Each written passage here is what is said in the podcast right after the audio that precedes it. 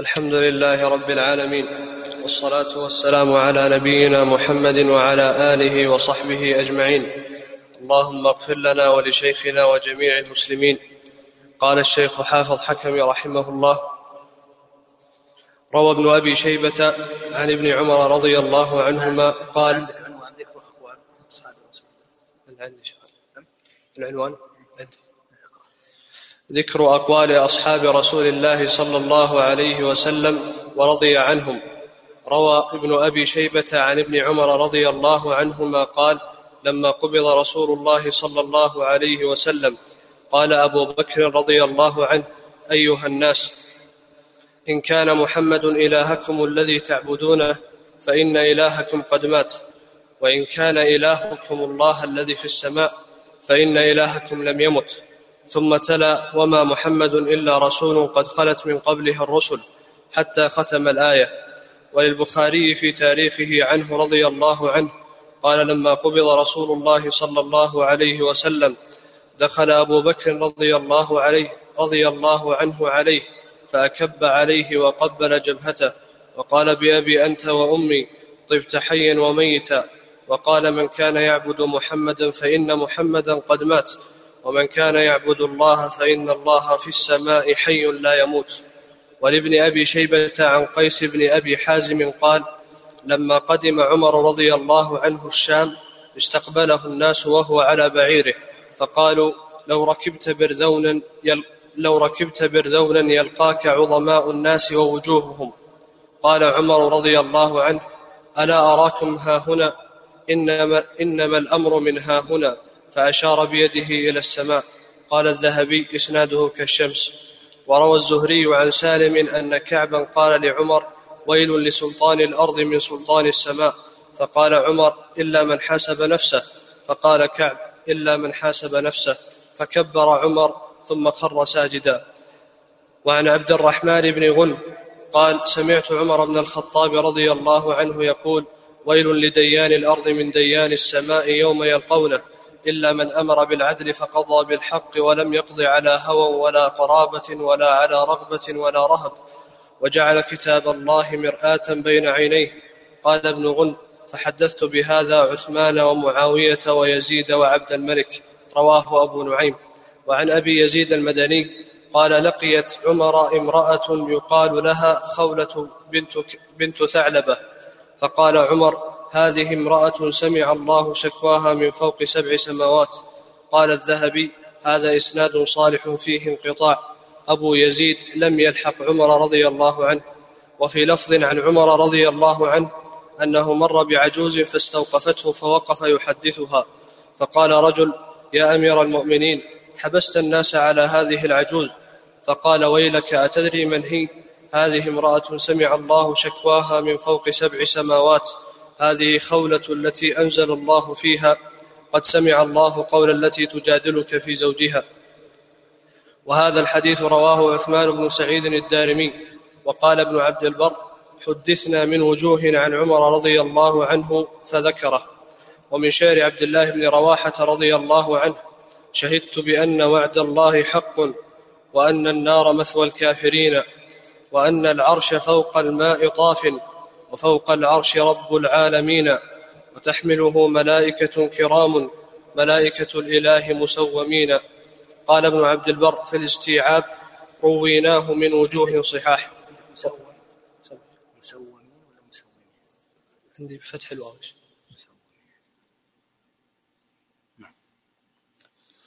وروى الدارمي عن ابن مسعود رضي الله عنه قال ما بين السماء الدنيا والتي تليها خمسمائة عام وبين كل سماء مسيرة خمسمائة عام وبين السماء وبين السماء السابعة وبين الكرسي خمسمائة عام وبين الكرسي إلى الماء مسيرة خمسمائة عام والعرش على الماء والله تعالى فوق العرش وهو يعلم ما أنتم عليه. وروى الأعمش عن خيثمة عنه إن العبد ليهم بالأمر من التجارة أو الإمارة حتى إذا تيسر له.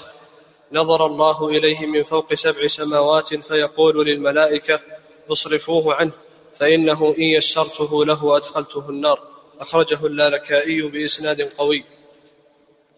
وعنه رضي الله عنه قال إن الله تعالى يبرز لأهل جنته في كل جمعة في كثيف من كافور أبيض. فيحدث لهم من الكرامة ما لم يروا مثله ويكونون في الدنو منه كمسارعتهم إلى الجمع. الجمعة الجمعة ويكونون في الدنو منه كمسارعتهم إلى الجمع. أخرجه ابن بطة في الإبانة الكبرى بإسناد جيد. وعن علي بن أبي طالب رضي الله عنه قال البحر المسجور يجري تحت العرش. وتقدم حديث أبي هريرة رضي الله عنه وفيه وينزل الله تعالى في ظلل من الغمام من العرش إلى الكرسي. عن أم سلمة رضي الله وعن أم سلمة رضي الله عنها في قوله تعالى الرحمن على العرش استوى. قالت الكيف غير معقول والاستواء غير مجهول والإقرار به إيمان والجحود به كفر. قال الذهبي هذا القول محفوظ عن جماعة كربيعة الرأي ومالك الإمام وأبي جعفر الترمذي فأما أم سلمة فلا يصح لأن أبا كنانة ليس بثقة وأبو عمير لا أعرفه. وعن عبد الله بن عمرو رضي الله عنه رضي الله عنهما قال قالت الملائكة يا ربنا منا الملائكة المقربون ومنا حملة العرش ومنا الكرام الكاتبون وذكر الحديث. قال الذهبي إسناده صالح. وعن عائشة رضي الله عنها قالت ويم الله إني لاخشى لو كنت أحب قتله لقتلته يعني عثمان رضي الله عنه. ولكن علم الله من فوق عرشه أني لم أحب قتله. رواه الدارمي. وعن أسماء بنت عميس وعن أسماء بنت عميس أن جعفر رضي الله عنه جاءها إذ هم بالحبشة يبكي فقالت قال رأيت فتى مترفا من الحبشة شابا جسيما مر على امرأة فطرح دقيقا كان معها فنسفته الريح فقالت أكلك إلى يوم يجلس الملك على الكرسي فيأخذ للمظلوم من الظالم. رواه ابن ماجة وغيره. وعن أبي وعن أبي أمامة الباهلي رضي الله عنه قال لما لعن الله إبليس وأخرجه من سماواته وأخزاه قال رب أخزيتني ولعنتني وطردتني عن سماواتك وجوارك فوعزتك لأغوين خلقك ما دامت الأرواح في أجسادك. وعزتك. بدون الفاء لا لأغوين بضم. فو- فوعزتك لأغوين خلقك ما دامت الأرواح في أجسادهم. فأجابه الرب تبارك وتعالى فقال وعزتي وجلالي وارتفاعي على عرشي لو أن عبدي أذنب حتى ملأ السماوات والأرض خطايا ثم لم يبق من عمره إلا نفس واحد فندم على ذنوبه لغفرتها وبدلت سيئاته كلها حسنات. وقد روي عن أبي سعيد الخدري رضي الله عنه أن رسول الله صلى الله عليه وسلم قال إن الشيطان قال وعزتك لا أبرح أغوي عبادك ما دامت أرواحهم في أجسادهم. فقال الرب وعزتي وجلالي وارتفاع مكاني لا أزال أغفر ما استغفروني. وعن ابن عباس رضي الله عنهما قال إن الكرسي الذي وسع السماوات والأرض لموضع قدميه وما يقدر قدر العرش إلا الذي خلقه. وإن السماوات في خلق الرحمن عز وجل مثل قبة في صحراء. رواه عبد الله بن أحمد في كتاب السنة. وللدارمي عنه رضي الله عنه انه استاذن على عائشة رضي الله عنها وهي تموت فقال كنت أحب نساء النبي صلى الله عليه وسلم إليه ولم يكن رسول الله صلى الله عليه وسلم يحب إلا طيبا وأنزل الله تعالى براءتك من فوق سبع سماوات جاء بها الروح الأمين فأصبح ليس مسجد من مساجد الله تعالى يذكر فيها إلا هو يتلى فيها آناء الليل وآناء النهار. وذكر الطبراني في شرح السنة عن مجاهد قال قيل لابن عباس إن ناسا يكذبون بالقدر قال يكذبون بالكتاب لئن أخذت شعر أحدهم لا ينبتونه. لا كذا المعروف لأنصونه معروف لأنصونه يعني لآخذن بناصيته. هذا معروف هو اللالكائي لا لا؟ أشر إلى أنه في اللالكائي لأنصونه يعني لا لئن أخذت بشعر أحدهم لأنصونه يعني لآخذن بناصية شعره فأجره هذا المعنى. لأنصون. وهذا الشيخ اللفظ لا ينبتون. يحتاج إلى مراجعة. لا ينبتون في غرابة. المعروف لأنصون لا لك نعم. إن الله تعالى كان على عرشه قبل أن يخلق شيئا فخلق الخلق فكتب ما هو كائن إلى يوم القيامة فإنما يجري الناس على أمر قد فرغ منه. ولإسحاق بن راهويه عن عكرمة في قوله تعالى ثم لآتينهم من بين أيديهم ومن خلفهم وعن أيمانهم وعن شمائلهم قال ابن عباس رضي الله عنهما لم يستطع أن يقول من فوقهم علم أن الله تعالى من فوقهم وليحيى بن سعيد الأموي عن عن عدي بن عميرة رضي الله عنه قال خرجت مهاجرا إلى النبي صلى الله عليه وسلم فذكر قصة قصة طويلة وقال فيها فإذا هو ومن معه يسجدون على وجوههم ويزعمون أن إلههم في السماء فأسلمت وتبعته.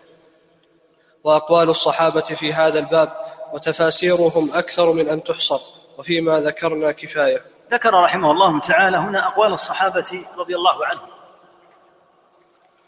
بعد أن ذكر النصوص من القرآن والنصوص من السنة ذكر كلام الصحابة رضي الله عنهم ثم سيذكر كلام التابعين رضي الله عنهم وهذه الأدلة الثلاثة التي عليها المعتمد في الاعتقاد.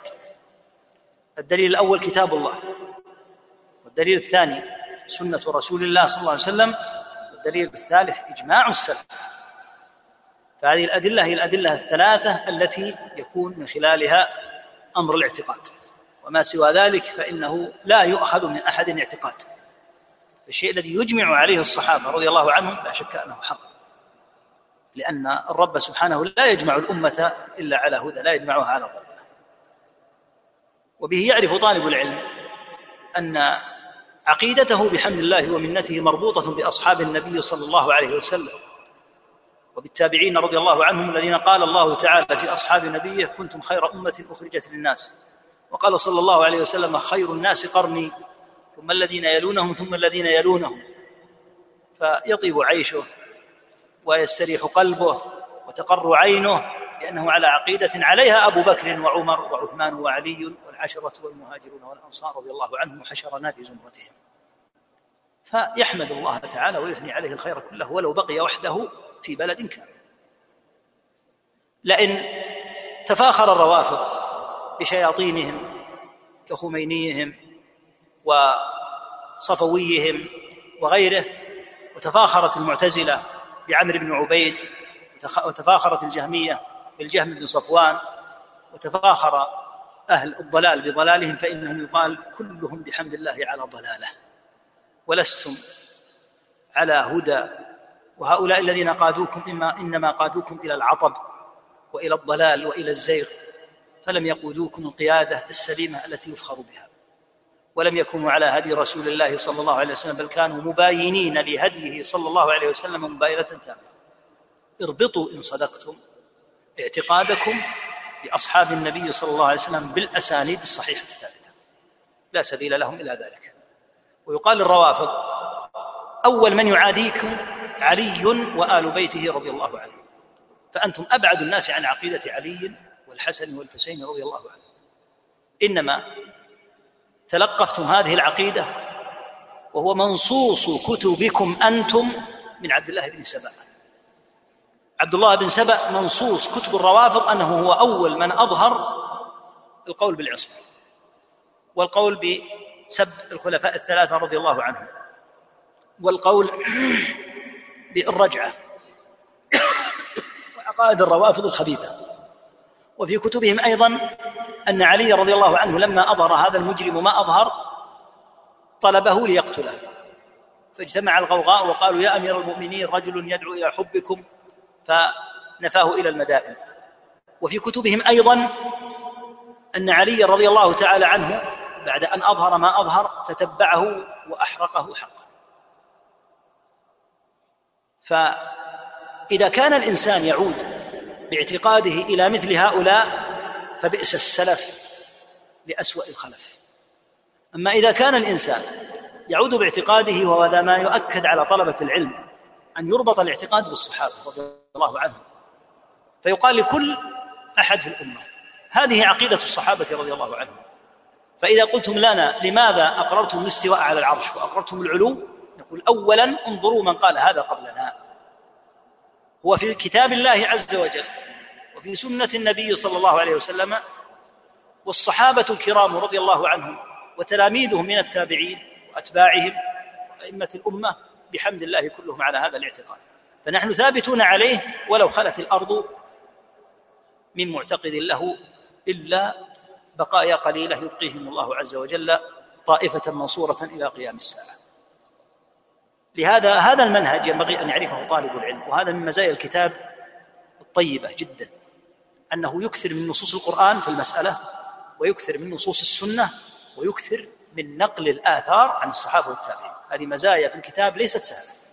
فيجتمع عند طالب العلم مثلا في موضوع القدر إذا وصلناه تجد أنه جمع النصوص من القرآن والسنة وكلام الصحابة والتابعين. هنا في العلو جمع كلام الله تعالى في القرآن ثم الفصول السابقة كلها في ما يتعلق بكلام النبي عليه الصلاة والسلام ثم هنا الفصل في كلام الصحابة هو كما قال في آخر الفصل هذا قليل جدا من كثير. الوارد عن الصحابة كثير جدا لكن المراد به الإشارة والأدلة كثيرة. قول أبي بكر رضي الله عنه من كان يعبد محمدا فإن محمدا قد مات ومن كان يعبد الله فإن الله في السماء حي لا يموت.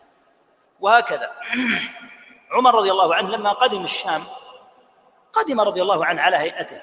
عليه ثوب مرقع وعلى بعير من أباعر العرب. فقال له الناس لو ركبت برذونا يعني له نوع من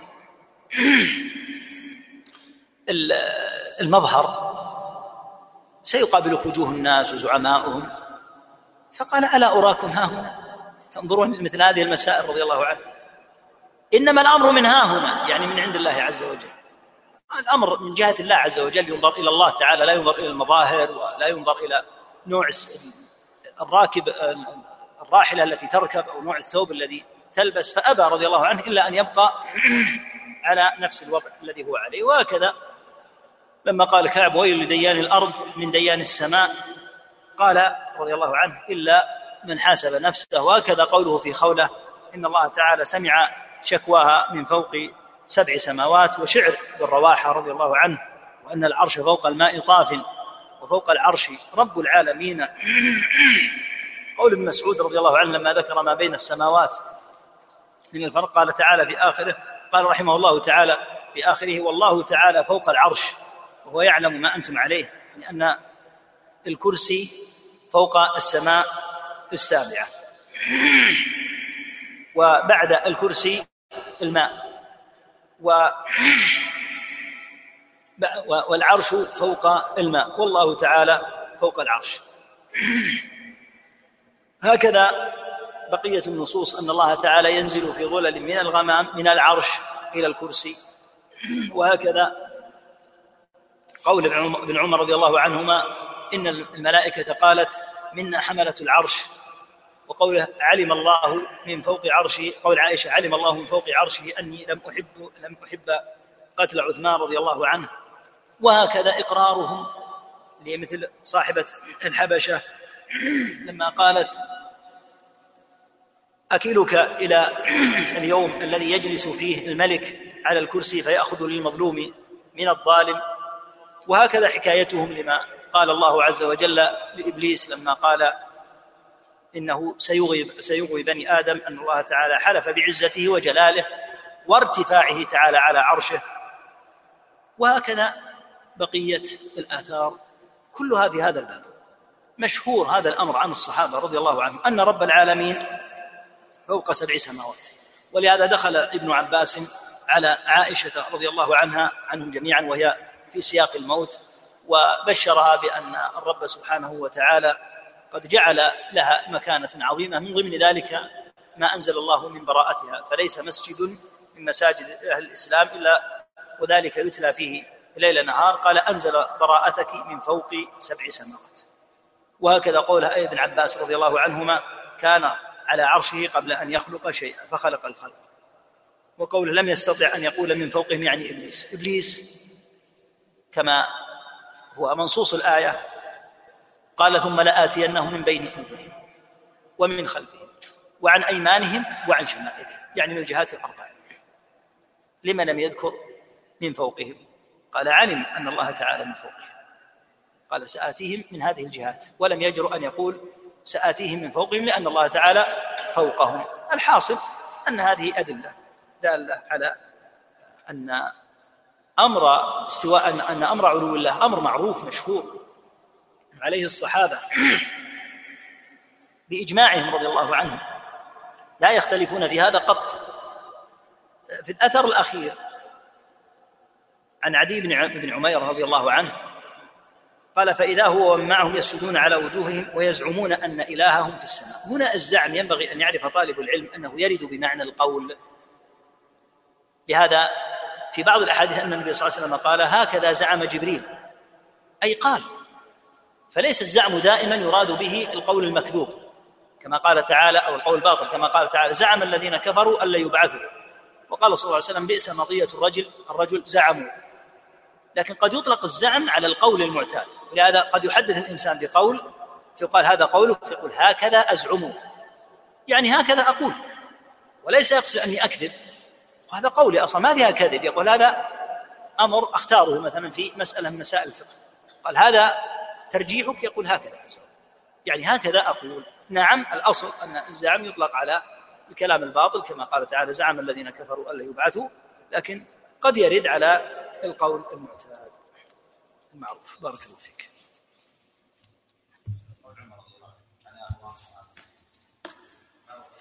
يعني ألا أراكم ها هنا تطلبون مني أن أركب أن أركب بردونا وأترك البعير وتهتمون بهذه المظاهر. الأمر من ها الأمر من جهة الله عز وجل. لا تكترثوا بالمظاهر.